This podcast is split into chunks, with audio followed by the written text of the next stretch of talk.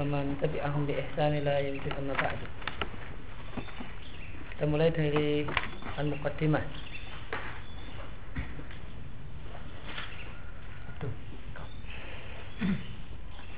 Al-muqaddimah alhamdulillahi rabbil alamin wassalatu wassalamu ala asrofil anbiya wal mursalin.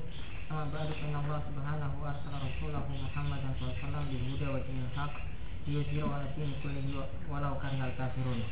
Fa فأشرقت برسالته الأرض بعد ظلماتها وتألفت به القلوب بعد شتاتها وامتلأ به الكون نورا وابتهاجا ودخل الناس في دين الله أفواجا فلما أكمل الله تعالى به الدين وأتم به النعمة على عباد المؤمنين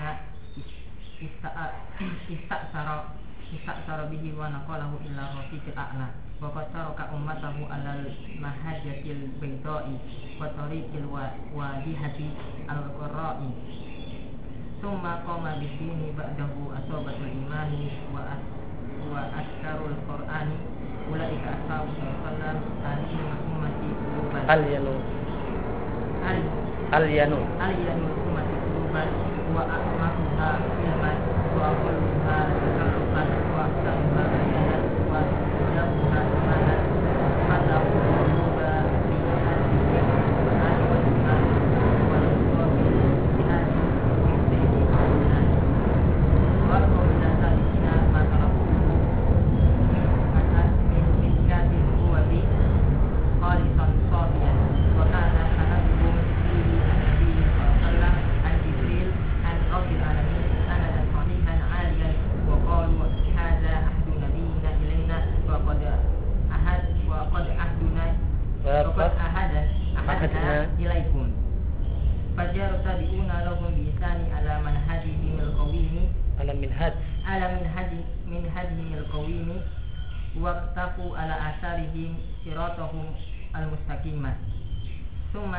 summa salaka tabi'ut tabi'in.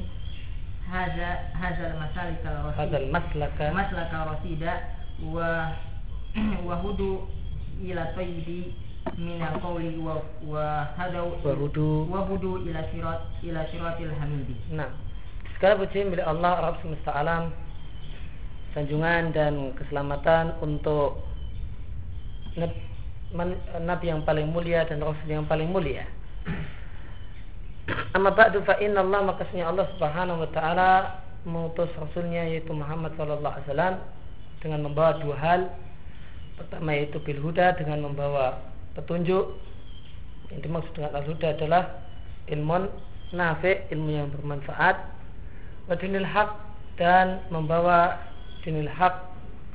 Yang dimaksud dengan dinil haq adalah amalun saleh lidhirahu untuk memenangkan agamanya di atas seluruh agama walau karihal kafirun meskipun orang-orang kafir merasa benci Fa'asrokat lalu bersinarlah al-ardu bumi dengan kerasulan Muhammad sallallahu alaihi wasallam setelah terdapat bertumpuk-tumpuk kegelapan menyelimuti bumi.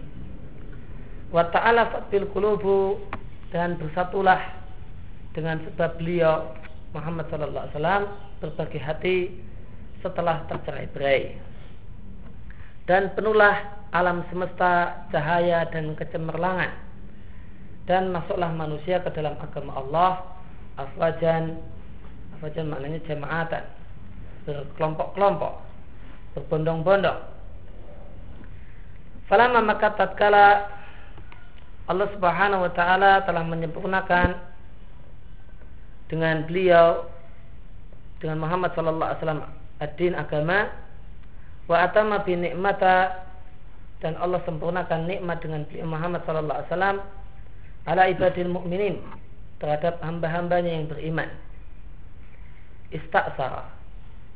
Setelah Allah sempurnakan agama, sempurna sudah nikmat, maka Allah pilih, maka Allah memilihnya wa naqalahu dan memindahnya yaitu Muhammad sallallahu alaihi wasallam ila rafiqil a'la. Artinya apa? Allah wafatkan. Waqat taroka dan ketika Nabi Shallallahu Alaihi Wasallam wafat, Nabi meninggalkan umatnya di atas jalan yang putih, dan jalan yang jelas roh yang cemerlang. Setelah dia meninggal, bidin maka melaksana maka menegakkan agama yang menegakkan agama ba'da setelah wafatnya Nabi Shallallahu Alaihi Wasallam adalah kelompok iman dan pasukan Quran.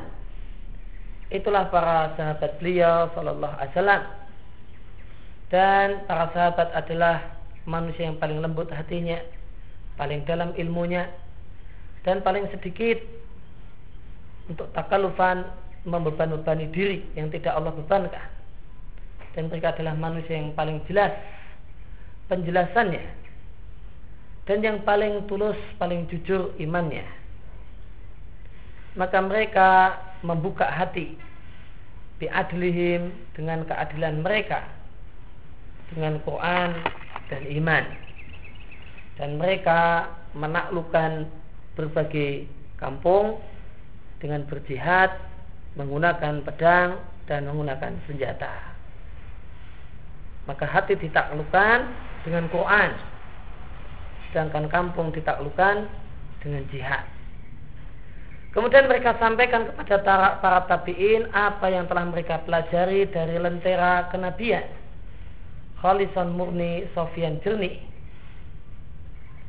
wakana sanaduhum dan sanat mereka sanat para sahabat fihi dalam masalah ini dalam agama adalah sanad mereka sahabat dari Nabi, dari Jibril, dari Rob semesta alam. Maka ini adalah sanad yang sahih. Dan ini adalah sanad yang alia, sanad yang tinggi. Sanad itu disebut sanad ali juga pendek. Nabi, Jibril, dan Allah Subhanahu wa taala. Sanad yang panjang itu disebut sanad nazil. Sanat yang pendek singkat disebut sanat Ali. Wakalu dan mereka berkata kepada para tabi'in Hada inilah ahdu nabiyina ilaina yang diajarkan oleh Nabi kami kepada kami dan inilah yang kami ajarkan kepada kalian. Dan berjalanlah para tabi'in orang-orang yang mengikuti para sahabat dengan baik mereka berjalan di atas jalannya para sahabat yang lurus. Dan mereka pun menapai ala asarihim jejak para sahabat. Mereka menapaki jalan sirat al-mustaqim. Kemudian tabi'ut tabi'in salah juga menempuh jalan hadal maslak jalan yang arasyid jalan yang penuh dengan hidayah. Sehingga mereka diberi hidayah lataibi minal qaul untuk memiliki perkataan yang tayyib, yang baik, yang benar dan diberi petunjuk untuk meniti suratul hamid jalannya Allah Subhanahu wa taala zat yang hamid. Dan hamidnya Allah Subhanahu wa taala itu mengandung dua makna. Pertama adalah mahmud artinya adalah yang dipuji dan bisa juga maknanya adalah hamid artinya yang memuji makhluk-makhluknya yang berhak untuk dipuji. Dan demikianlah Allah Subhanahu wa taala, Allah adalah Hamid dalam artian mahmud, dipuji oleh makhluknya dan dia adalah Hamid, dia adalah zat yang memuji makhluk-makhluk yang berhak untuk dipuji. Amin.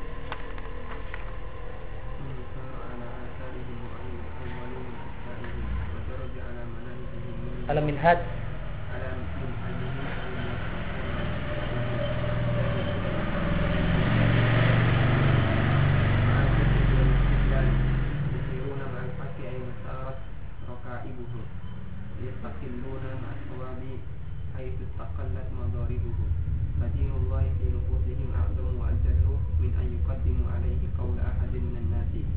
أو يعارضه برأي أو قياس ثم خلق من بعدهم قلوب فرقوا دينهم وكانوا شيعا كل قسم بما لديهم فرحون.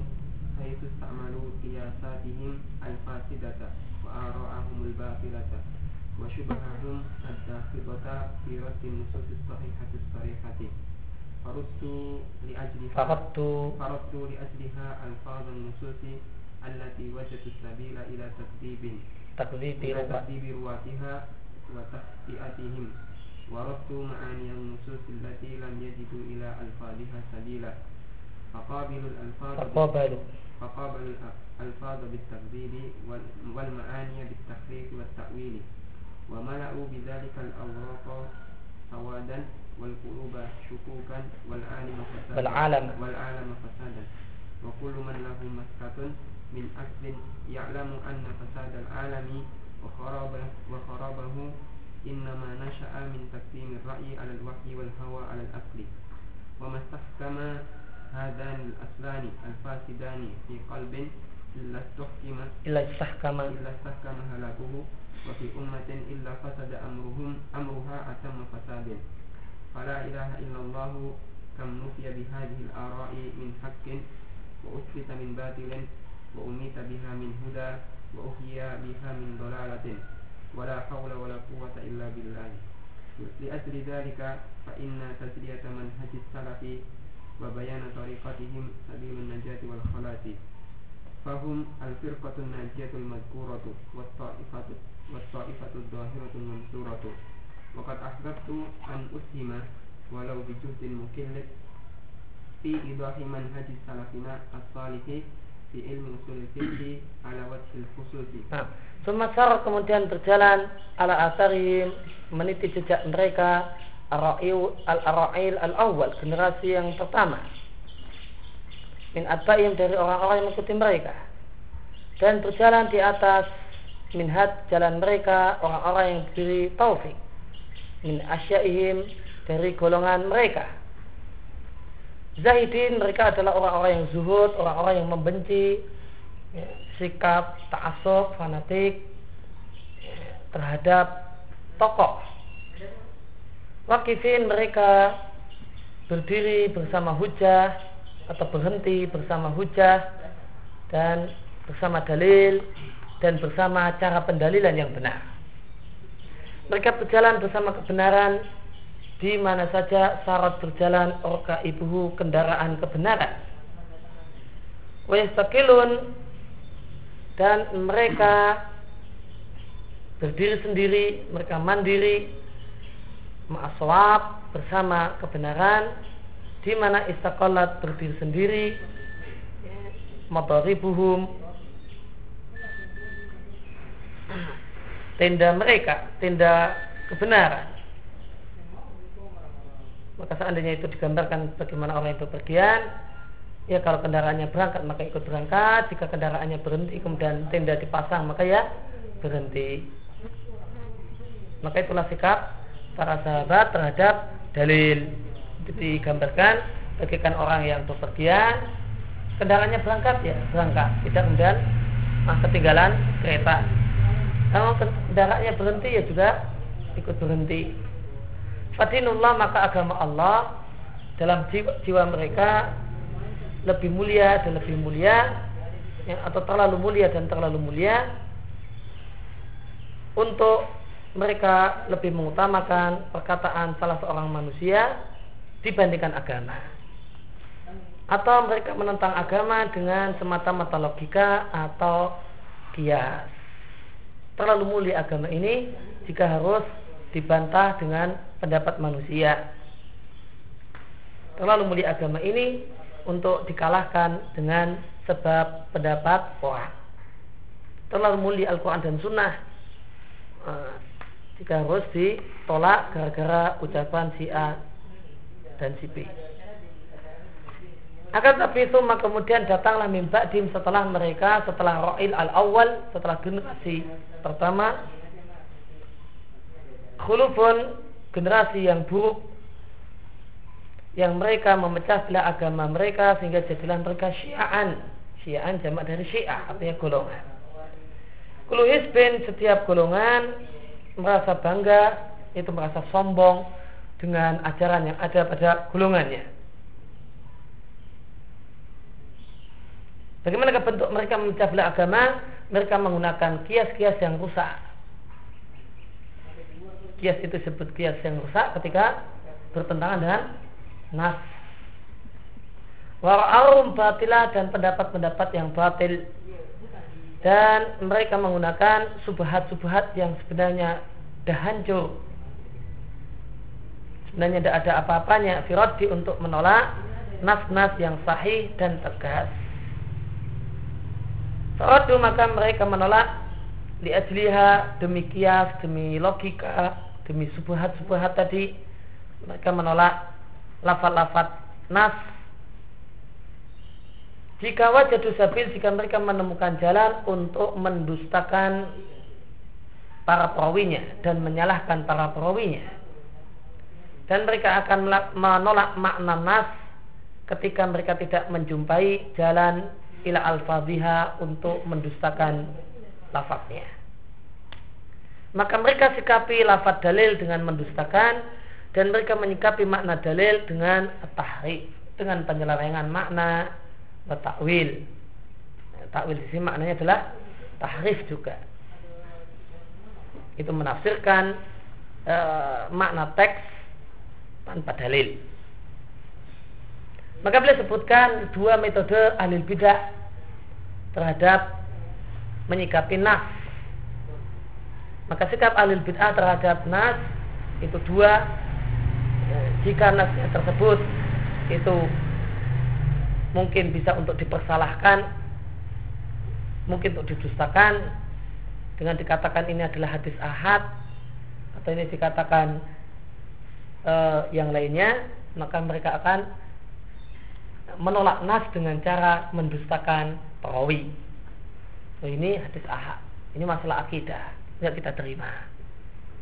Yang kedua jika mereka tidak memungkinkan tidak ada kesempatan untuk mendustakan maka mereka akan melakukan tahrif penyelewengan terhadap makna-makna dalil yang ada. Inilah dua metode penting yang dimiliki oleh ahli bidah eh, dan ahli dolal untuk menyesatkan diri sendiri dan orang lain. Wamalau dan mereka penuhi dengan hal-hal tadi. Mereka penuhi berbagai kata sawah dan tinta itu tinta yang berwarna hitam dan mereka penuhi hati dengan keraguan-raguan dan mereka penuhi dunia dengan kerusakan. Mereka penuhi uh, berbagai buku dan berbagai kertas dengan penyelewengan terhadap makna dan pendustaan terhadap dalil. Wakuluman dan semua orang yang memiliki maskatun minal akli, akal sehat. Maskatun min aklin artinya akal sehat. Yang akan mengetahui bahasanya rusaknya dunia dan robohnya yaitu hancurnya dunia ina manasa'a hanyalah muncul disebabkan prinsip mengedepankan akal daripada wahyu mengutamakan akal daripada wahyu dan mengutamakan hawa nafsu daripada akal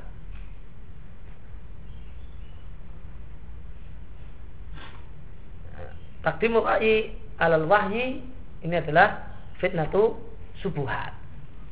Wa taqdimul hawa alal akli ini fitnatu syahwat.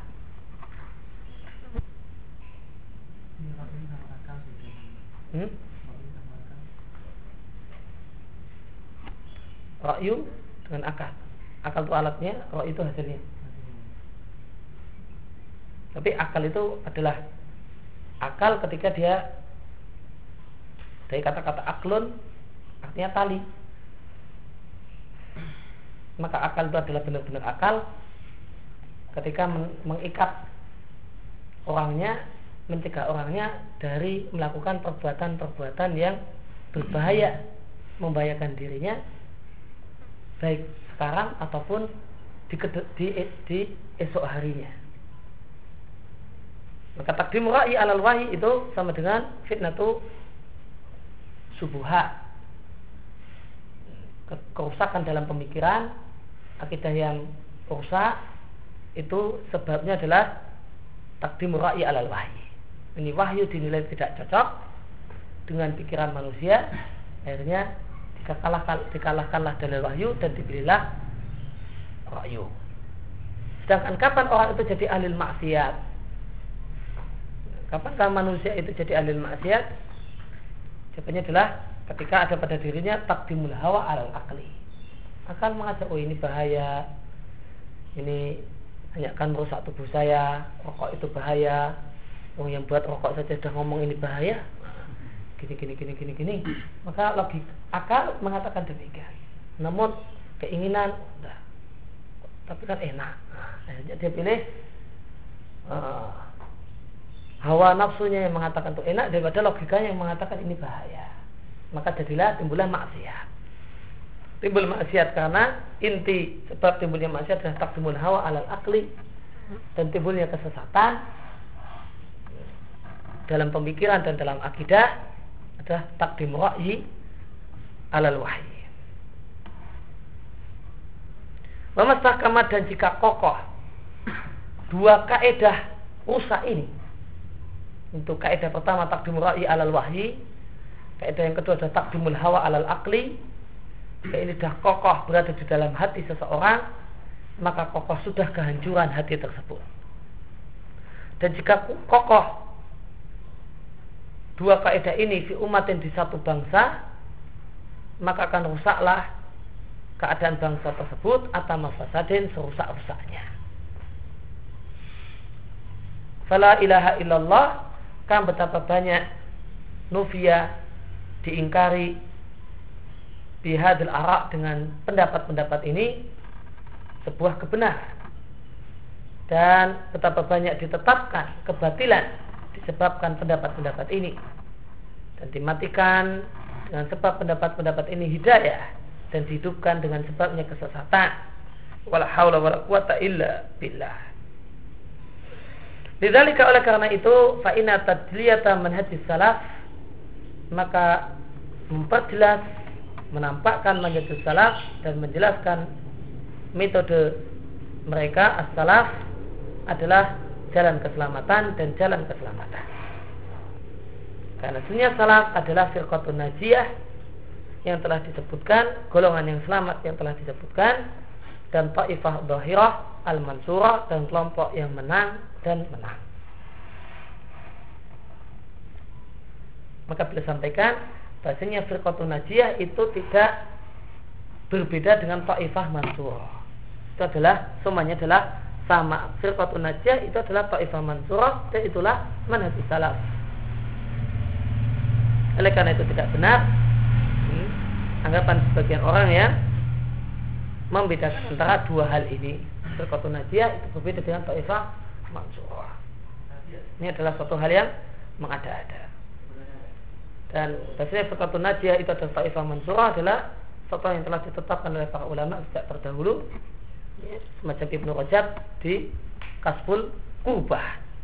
Boleh menetapkan bahasanya firqatun najiyah itu adalah ta'ifah mansurah tidak beda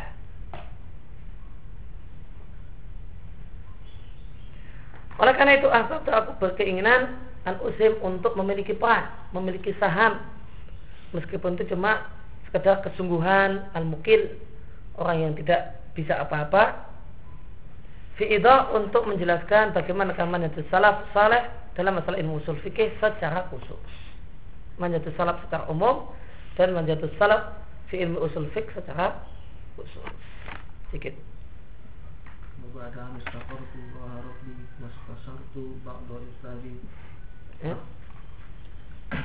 wastasartu ba'da ustaz ustazati hatta ikhtartu ya ikhtartu an aikuna mawdu'u risalati fi marhalati doktorahi manhaju ahli sunnati wal jama'ati fi tahrir usul بأول تعالى أن أن يحقق هذا الكتاب هذا الكتاب المقدمة التالية المقاصد التالية. المقاصد التالية الأول التعريف بجهود أهل السنة والجماعة في علم أصول الفقه وجمع أبحاث أبحاثهم الأصولية وترتيبها ليسهل. ليسهل الوصول إليها. الوصول. ليسهل الوصول إليها الثاني تحرير القواعد الأصولية المتفق المتفق عليها عند أهل السنة والجماعة وبيان القواعد الأصولية المختلف فيها الثالث جماعة حماية ركن العقيدة وذلك بالتنبيه على القواعد الأصولية التي بنيت على أصول العقيدة باطلة Nah, Wapada dan setelah aku eh, istikharah kepada Allah Rabbku dan aku bermusyawarah dengan sebagian guru-guruku kamu ini agak ini ustaz ustaz tadi jamaknya ustaz ustaz nah ikhtartu maka aku memilih supaya maudhu ya tema risalati ya, risalahku untuk marhalah doktorah program S3 adalah dengan judul Manhaj Ahlussunnah wal Jamaah Fitahrir dalam uh, Fitahrir usul fikhi Tahrir itu dalam mentertibkan dalam uh, uh, apa ya? Tahrir itu kadang maknanya edit. Maknanya di sini ya untuk memilih kaidah-kaidah ilmu usul fikihnya. Ini judul. Footnote Mimatan dari al-isaratu ilaihi di antara perkara yang patut untuk disampaikan fi hadzal maqam dalam kesempatan ini. Ananis ini aku qad adkhaltu aku telah masukkan dalam risalah ini beberapa takdilat, beberapa eh, perbaikan min idofatin berupa ada penambahan tangkih kemudian pembersihan yaitu pembuangan hal-hal yang tidak perlu. Wa ada tertib dan pengula, uh, sistematika peng, uh, perbaikan sistematik sistematika. Bagaimana aku mengubah judul buku ini dari manhaj ahli sunnah wal jamaah fitahri usul fik menjadi ma'alim usul fik indah ahli sunnah wal jamaah. Ma'alim artinya rambu rambu-rambu usul fikih menurut al-sunnah wal jamaah. Maka ini aslinya adalah risalah doktorah. Jadi tesis demikian juga disertasi dalam bahasa Arab itu disebut risalah. Disebut risalah jami'iyah. Rasail jami'iyah itu tesis dan disertasi S2 dan S3. Nah ini buku ini aslinya adalah eh, disertasi penulis Muhammad Al-Jizani dan beliau sekarang adalah dosen di Jami'ah Islamiyah. Ini adalah e, disertasi beliau juga di Jami'ah Islamiyah. Dan berkaitan dengan masalah ini ada satu catatan yang penting yang perlu diketahui oleh para penuntut ilmu bahasanya termasuk yang selayaknya diperhatikan oleh para penuntut ilmu berkaitan dalam masalah memilih buku adalah memberikan perhatian untuk memilih dan mentelaah dan membaca buku-buku yang statusnya Rosail Jami'iyah. Itu buku-buku Rosail Jami'iyah itu punya nilai plus, nilai lebih dibandingkan buku-buku yang bukan Rosail Jami'iyah secara umum. Secara umum punya nilai plus ya, karena ya, ini memang ditulis dengan niat untuk ditulis. Ya, niatnya memang ditulis mengumpulkan tenaga, waktu dan yang lainnya untuk nulis. Kemudian ini pun diperiksa oleh dosen pembimbing dan ini pun juga dikoreksi oleh para penguji. Semua, semua, semua mereka membaca, semua mereka ngasih saran perbaikan dan hal-hal yang kurang tepat dan sebagainya. Maka ya, buku-buku ya, yang statusnya adalah aslinya adalah Rosail Jami'iyah itu lebih berkualitas secara umum. Meskipun ya terkadang ya buku yang bukan Rosail Jamiah ya tidak sedikit juga yang bagus. Namun secara umum umumnya di zaman ini itu kan yang Rosail Jamiah itu lebih tertib, lebih ini, lebih sistematis dan seterusnya. Dan kalau buku itu Rosail Jamiah maka mengikuti standar ilmiah standar ilmiah penulisan karya ilmiah. Yang ini biasanya tidak diikuti kalau di tulisan-tulisan uh, tulisan-tulisan yang bukan rasail jami'iyah.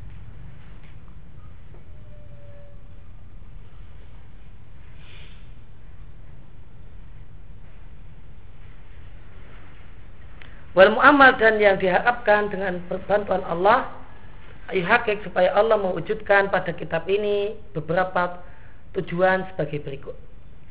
Yang pertama, jadi beliau menulis buku ini dengan dengan tujuan yang pertama adalah takrif, memperkenalkan bagaimanakah kesungguhan para ulama ahlu sunnah dalam masalah ilmu fikih dan mengumpulkan bahasan-bahasan mereka dalam ilmu usul fikih kemudian mensistematika e, membuat bahasan-bahasan tersebut sistematis dia sul sehingga mudah al usul ilaiha orang untuk bisa mendapatkannya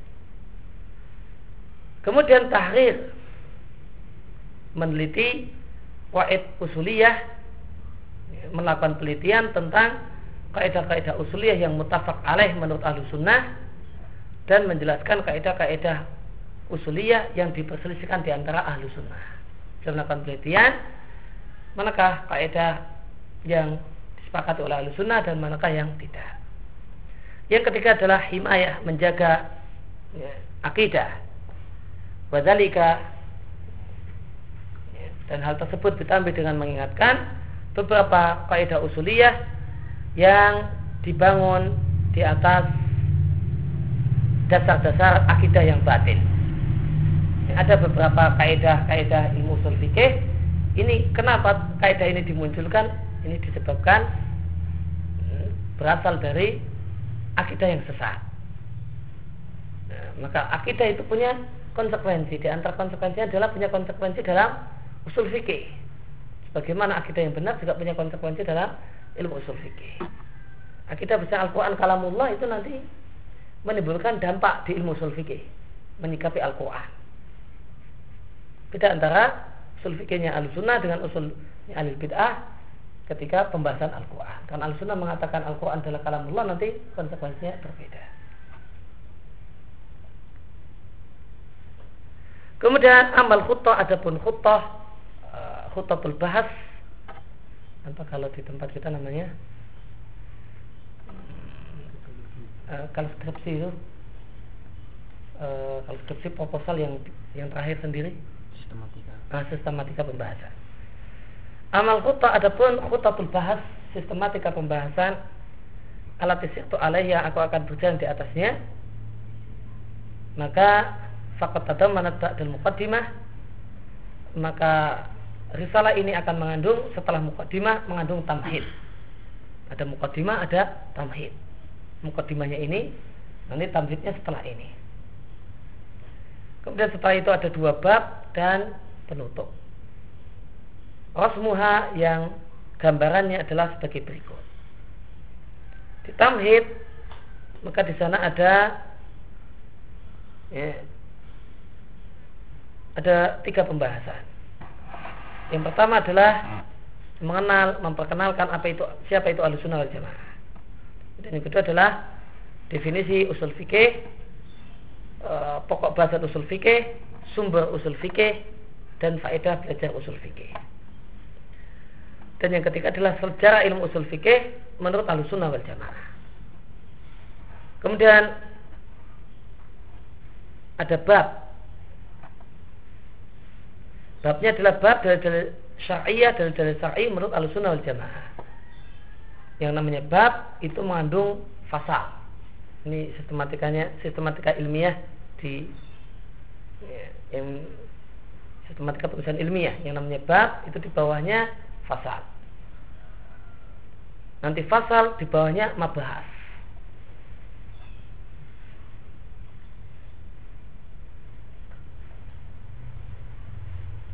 Maka kalau kalau mau bikin bikin judul bikin ini distatuskan bab, maka nanti harus ada dua tingkatan. Harus ada fasal dan harus ada membahas. Kalau cuma kalau cuma setelah uh, setelah itu nanti cuma cuma ada satu satu hal, maka jangan diberi judul bab. Ya, maka namanya bukan bab, namun namanya fasal. Fasalnya dinaikkan sehingga tidak ada bab. Kalau yang nama bab itu harus luas. Harus ada ada dua tingkatan. Ada fasal kemudian ada mabahas. Maka bab ini mengandung empat fasal. Fasal yang pertama pembicaraan tentang dalil-dalil syar'i secara global. Nah, di dalam fasal ini ada tiga mabahas. Yang pertama adalah syariah dari aspek aslinya dan sumbernya. Dalil syariah dari aspek al-qata' yakin ataukah zon. Kemudian yang ketiga dari syariah dari aspek ada dalil nakli dan dalil akli. Kemudian pasal yang kedua dalil-dalil yang disepakati. Ada empat membahas. Pertama tentang Quran, Sunnah, yang ketiga tentang ijma, yang keempat tentang kias. Kemudian dalil-dalil yang diperselisihkan itu pasal yang ketiga. Ada lima membahas. Istishab, pendapat sahabat, syariat umat sebelum kita, istihsan dan masalah yang mursalah. Dan pasal yang keempat tentang membahas tentang masalah nasr, ta'arud pertentangan dalil, eh, metode tarjih, kemudian tartibul adilah urutan dalil. Maka ada empat mabahas. Ada nasr, ta'arud, tarjih dan tartibul adilah. Kemudian bab yang kedua, Waid usuliyah, kaidah-kaidah ilmu usul fikih menurut alusunah wal jamaah. Maka di sini ada yang di bawah bab itu fasal. Ada tiga fasal. Yang pertama yaitu fasal pertama tentang hukum syar'i. Di bawahnya fasal itu mabahas. Ada tiga mabahas. Ta'riful hukum syar'i, definisi hukum syar'i dan macam-macamnya. Nah, di bawah mabahas itu matlab. Nah, di bawahnya mabahas itu ada matlab namanya matlab ini kalau diterjemahkan uh, secara lughah nggak bisa ya. Bab subbab apa bab kalau sistematikanya standar ilmiahnya di sana bab ya, kemudian fasal fasal kemudian bawahnya mabahas mabahas di bawahnya ada matlab kita bab subbab apa lagi namanya? Enggak ada.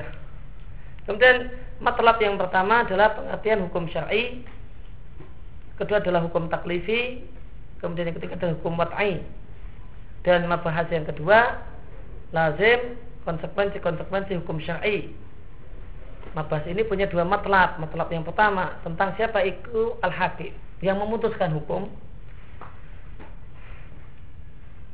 Nah, di, di bawahnya matlab itu ada masalah.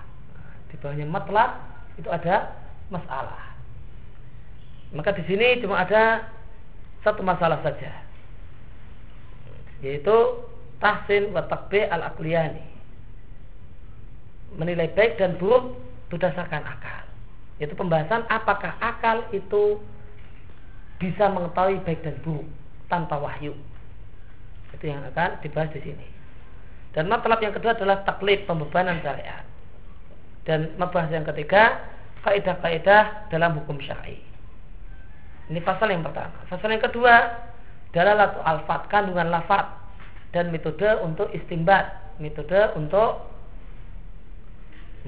memunculkan hukum, menggali hukum. Ada tiga mabahas yang pertama adalah prinsip-prinsip yang perlu diketahui prinsip-prinsip penting dari yang diambil dari bahasa Arab. Yang ini dipakai dalam usul fikih. Kemudian membahas yang kedua membahas tentang pengertian dan penjelasan tentang masalah nas, dohir, muawal, mujmal dan bayan. Dan membahas yang ketiga membahas tentang masalah perintah dan larangan, am dan khas, mutlak dan muqayyad, dan mantuk dan mafhum. Dan pasal yang ke huh? Kok pasal ke sana? Pasal yang ketiga itu salah cetak. Yang ini buku cetakan? Hah? Sudah benar, salif. Ini cetakan berapa? Depan, depan. Hah? Ini cetakan ketiga ini yang di kopi ini. Hah? Ini enggak ada cetakan keempat gitu itu itu di atas ah sapiah Hah? sapiah tujuh oh. dan uh, pasal yang ketiga tentang istiad taklid dan fatwa maka ada tiga membahas istiad taklid dan fatwa kemudian khatimah Nah, kemudian penutup. Maka zakatu fiha apa isi penutup? Akan aku sebutkan via dalam penutup ahaman nata'id hasil yang paling penting dari penelitian ini. Kemudian watausiat. Tausiat apa dalam bahasa kita? Eh, kesimpulan dan saran. Tausiat saran. Watatmiman lil faidah. Dan untuk menyempurnakan faedah Dayaltul kitab aku lengkapi buku ini dengan mulhak mulhak itu apa? lampiran. Belakang sendiri ada apa? Lampiran mulhak bahasa Arabnya. Nah lampiran ini mengandung tiga qaim tiga qaimah jamak dari qaimah qaimah itu daftar. Yang pertama adalah qaimah daftar kes, kesungguhan Ibnu Taimiyah dalam ilmu usul fikih dan yang kedua adalah daftar juhud kesungguhan Ibnu Qayyim dalam pembahasan ilmu usul fikih Kemudian yang ketiga adalah kaimah daftar pembahasan-pembahasan ilmu usul fikih menurut alusunah wal jamaah. Amal manhaj adapun metodologi penelitian. Adapun metodologi Allah tu yang akan aku tempuh dalam buku ini fawa al ati atau ini metodologi penulisan bukan metodologi penelitian. Yang akan aku tempuh dalam buku ini adalah fawa al ati adalah sebagai berikut. Yang pertama adalah al-ikhtisar wa adamu tatwil. Ringkas dan tidak berpanjang lebar. Kenapa ini dipilih? Di saat maudhu karena luasnya pokok bahasan buku ini.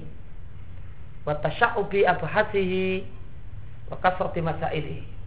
Dan bercabangnya pembahasan-pembahasannya dan banyaknya masalah-masalah yang tidak dibahas. Dan kaidah mengatakan ulama mengatakan ma la yudraku kulluhu la yudraku juluhu sesuatu yang tidak bisa didapatkan seluruhnya maka ya jangan ditinggalkan yang penting-pentingnya. Wakat alim itu dan aku dan aku mengetahui secara yakin bahasanya al idyan alal maudu'ati hadal kitab mendatangkan tema-tema kitab ini sebagaimana judul yahtab ila farikin minal bahisin. Membutuhkan sekelompok para peneliti. Grup harus banyak orang. Kalau mau betul-betul menulis ma'alim sulfik indah ahli sunnah. Wa adadin minasinin dan membutuhkan tahun-tahun yang berbilang. Yang banyak la amliku yang semuanya tidak aku miliki. Artinya apa? Umurku itu tidak selesai untuk untuk menulis hal ini secara lengkap. Fakta fakta faitu lidalika. Maka oleh karena itu aku mencukupkan diri lidalika karena alasan-alasan tadi birosmen dengan memberikan gambaran khututin arido ya. gambaran sekilas. Ini cuma isi buku ini adalah khutut arido cuma gambaran sekilas tentang bagaimana kau usul fikih menurut ahli sunnah Tu'inul Baisin yang gambaran ini membantu para peneliti wawatil ma'alim dan meletakkan rambu-rambu tudi utariqa yang menerangi jalan lisalikin bagi orang-orang yang menempuhnya. Kemudian metode penulisan yang kedua adalah at-ta'sil ma'a dalil. Merujuk kepada asal, merujuk kepada sumber diiringi dengan dalil. Nah, atau taksil di sini bukan uh, ya, Taksil di sini apa? Kebalikan dari roh meletakkan landasan. Landasan al sunnah bukan membantah dan membahas uh, kelompok yang menyimpang. Dalil. Kat satu Aku mencukupkan diri dalam kitab ini Untuk menjelaskan madhab al-sunnah wal jamaah. Dengan menyebutkan Ma'adikri adilatihim Dengan menyebutkan dalil-dalil mereka. Walam atau arad dan aku tidak akan menyinggung madhab al mukhalifina lahum orang-orang yang menyimpang dari ahli sunnah. Idil ghayatul mansudatu karena tujuan yang apa kalau bahasa kita tujuan yang diharapkan. Al mansudah istilah tujuan yang diharapkan dari min hadal kitab dari buku ini adalah al ibanah menjelaskan. An adillati syar'iyah tentang dalil-dalil syar'i wa manhajul istidlal dan metodologi menggunakan dalil ladai ahli sunnah wal jamaah al sunnah wal jamaah. Wal itfah dan berterus terang mengungkapkan terang-terangan an maslakihim fil qawaid usuliyah tentang jalan ahli sunnah dalam kaidah-kaidah ilmu usul fikih. Dan yang namanya cara belajar yang benar adalah taksil dulu dulu baru rob membahas yang benar. Dulu baru membahas yang keliru. Jangan sampai sudah banyak tahu hal-hal yang keliru namun nggak tahu yang benar yang seperti apa. Maka taksil dulu. Taksil dulu. Belajar bagaimanakah yang benar dulu. Bagaimanakah alusunnah gini gini gini gini. Baru setelah itu untuk pengembangan wawasan dan supaya tidak terjumus dalam penyimpangan kita bahas ini yang keliru. Ya seperti yang menyimpang menyimpang semacam ini. Bantahannya al-sunnah seperti ini inilah cara belajar yang benar. Ya, menguasai dulu yang benar baru mengetahui apa yang keliru. Jangan menguasai yang keliru namun yang benar masih bingung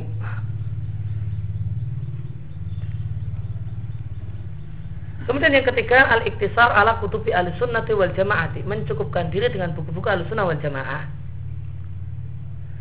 Fajami umatan matakiruhu wa tahriruhu fi hadal kitab mangkulun naklan mubasyaran min kalami eh, ahli sunnah wal jamaah. Fi makatabu fi usulil fikhi wa fi ghairihi. Fajami maka semua matama yang telah sempurna penetapannya dan penelitiannya dalam buku ini dinukil dengan nukilan langsung dari perkataan para ulama al-sunnah wal jamaah dalam buku-buku yang mereka tulis, baik buku tersebut adalah buku khusus masalah ilmu usul fikih atau bukunya tidak khusus membahas usul fikih. Dan ini salah satu nama eh, persyaratan tulisan ilmiah. Salah satu persyaratan ilmu, eh, persyaratan tulisan ilmiah adalah mangkul naklan mubashir. Nukilan itu ada semuanya adalah langsung. Tidak pakai nah sumber sekunder apalagi tersier nukilan dari nukilan dari nukilan ini semua adalah uh, standar tulisan ilmiah adalah harus nukilan langsung perkataan Taimiyah ya nggak boleh nukil dari bukan bukunya Ibnu Taimiyah. Yang mengatakan ini Taimiyah Ibnu Taimiyah jadi macam fatwa atau di tempat yang lain. Nggak boleh. Ibnu Taimiyah namun di Taisir Alam tadi Taudil Ahkam. Nah, kalau dari Taudil Ahkam ya penulis, perkataan penulisnya. Nah, itu ini di antara syarat tulisan ilmiah. Yang ini akan dimiliki oleh Rosail Jami'iyah ini dimiliki oleh Rosail Jami'iyah kalau buku-buku yang bukan Rosail Jami'iyah itu uh, sering itu sumbernya adalah sumber sekunder. Buku, uh, dia nggak menukil ngutip dari satu buku bukunya ini dari sumber aslinya. Atau bahkan lagi taksia sumbernya sumber sumber. Wah, nukilan nukilan nukilan. Maka itu satu hal yang tidak boleh dalam rosail jami'iyah satu hal yang terlarang dalam rosail jami'iyah harus naklan mubasyah kalau tidak maka tidak bisa dikatakan ini adalah perkataan bulan Mana buktinya? Perkataan fulan. Wong di bukunya juga enggak ditunjukkan di mana buku si fulan yang mengatakan demikian. Inna manhaj ahli sunnah dan sebenarnya manhaj ahli sunnah wal jamaah la asal tidaklah diketahui keontentikannya wala hasal tidak pula didapatkan dari buku-buku mukhalifihim orang-orang yang menyelisih ahli sunnah. Nah, kalau ngutipnya dari buku ulama asyairah ya, maka ini bukan nakal mubashir. Naam hunaka masail kasirah memang ada beberapa banyak masalah wafaqahum alaiha mukhalifuhum yang orang-orang yang menjadi ahlu sunnah itu mencocoki ahlu sunnah ila anal maksud bayanuhu wal matlub tibyanuhu fi hadal kitab la yata'ata ila binahli min ma'ini ahli sunnah as-safi wal irtiwa min mauridihim al-adbi. Akan tetapi yang dimaksudkan untuk dijelaskan dan yang dituntut untuk dijelaskan dalam buku ini layak taat tidaklah mungkin. Ila binahli kecuali dengan mengambil air. Minal ma'in dari mata air dari sumber ahli sunnah secara langsung yang jernih. Wal irtiwa dan minum. Ada irwa. Irwa itu artinya minum untuk menghilangkan haus. Min mauridim dari sumbernya yang segar. Wistas amin dalika al qadaya al dan dikecualikan dari hal tersebut adalah permasalahan kebahasaan. Dan menisbatkan pendapat orang-orang yang menyimpang kepada orang-orang yang memiliki pendapat tersebut dan semacam itu. Nah kalau pendapat Asairah ya nanti dinukil dari buku Asairah. Kemudian yang keempat, metodologi yang penulisan yang keempat adalah irad mendatangkan perkataan ahli ilmi binasihi dengan teksnya lang. Namun ini dilakukan ma'am karena semaksimal mungkin yang bisa dilakukan.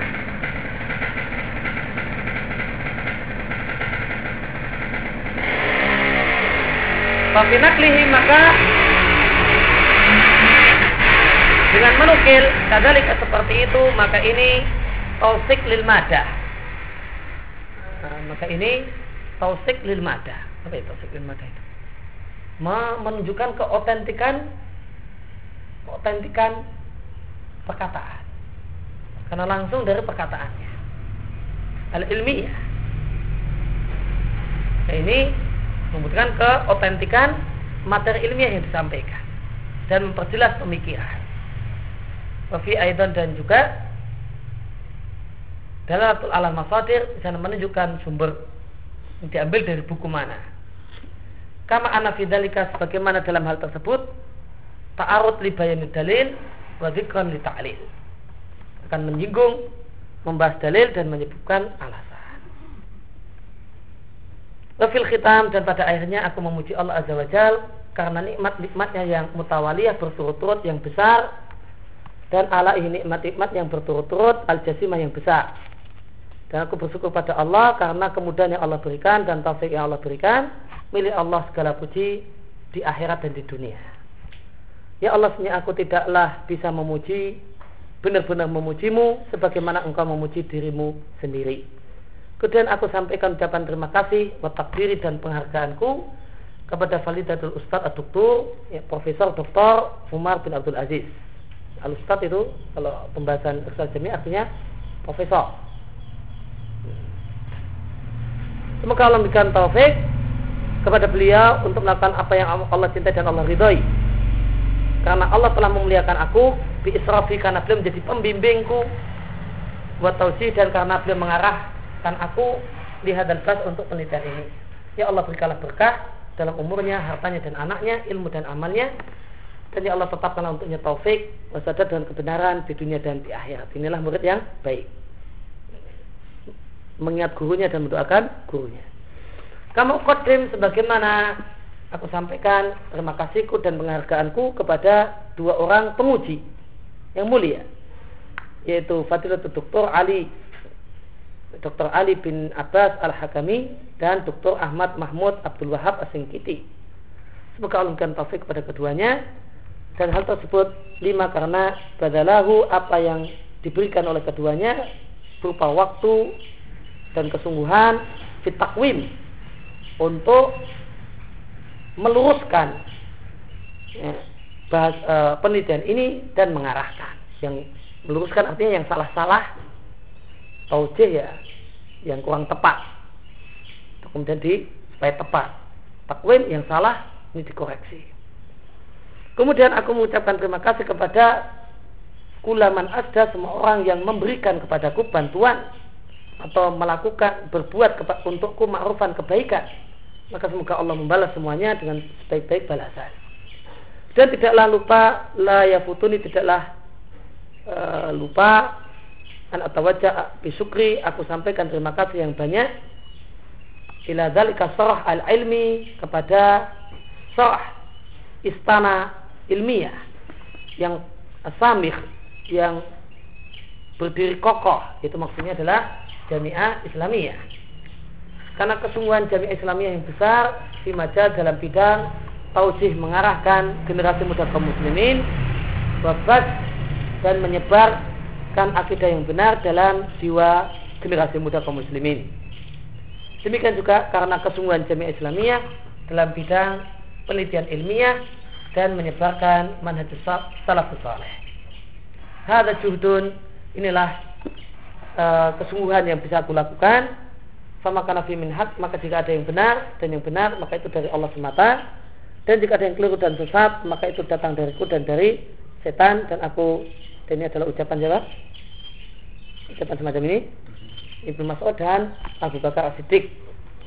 Semoga Allah Subhanahu wa taala mengampuni ya, dan aku mohon ampun pada Allah dan aku bertobat padanya. Ya Allah jadikanlah amal ini ikhlas untukmu semata. La hadza fihi li siwaka dan tidak ada bagian untuk selainmu. Subhanaka rabbika rabbil izzati amma yasifun wa salamun alal mursalin walhamdulillahi rabbil alamin. Yang kita baca kesempatan uh, pagi hari ini sallallahu ala nabiyina Muhammadin wa ala alihi wasallam. Wa tawana alhamdulillah alamin.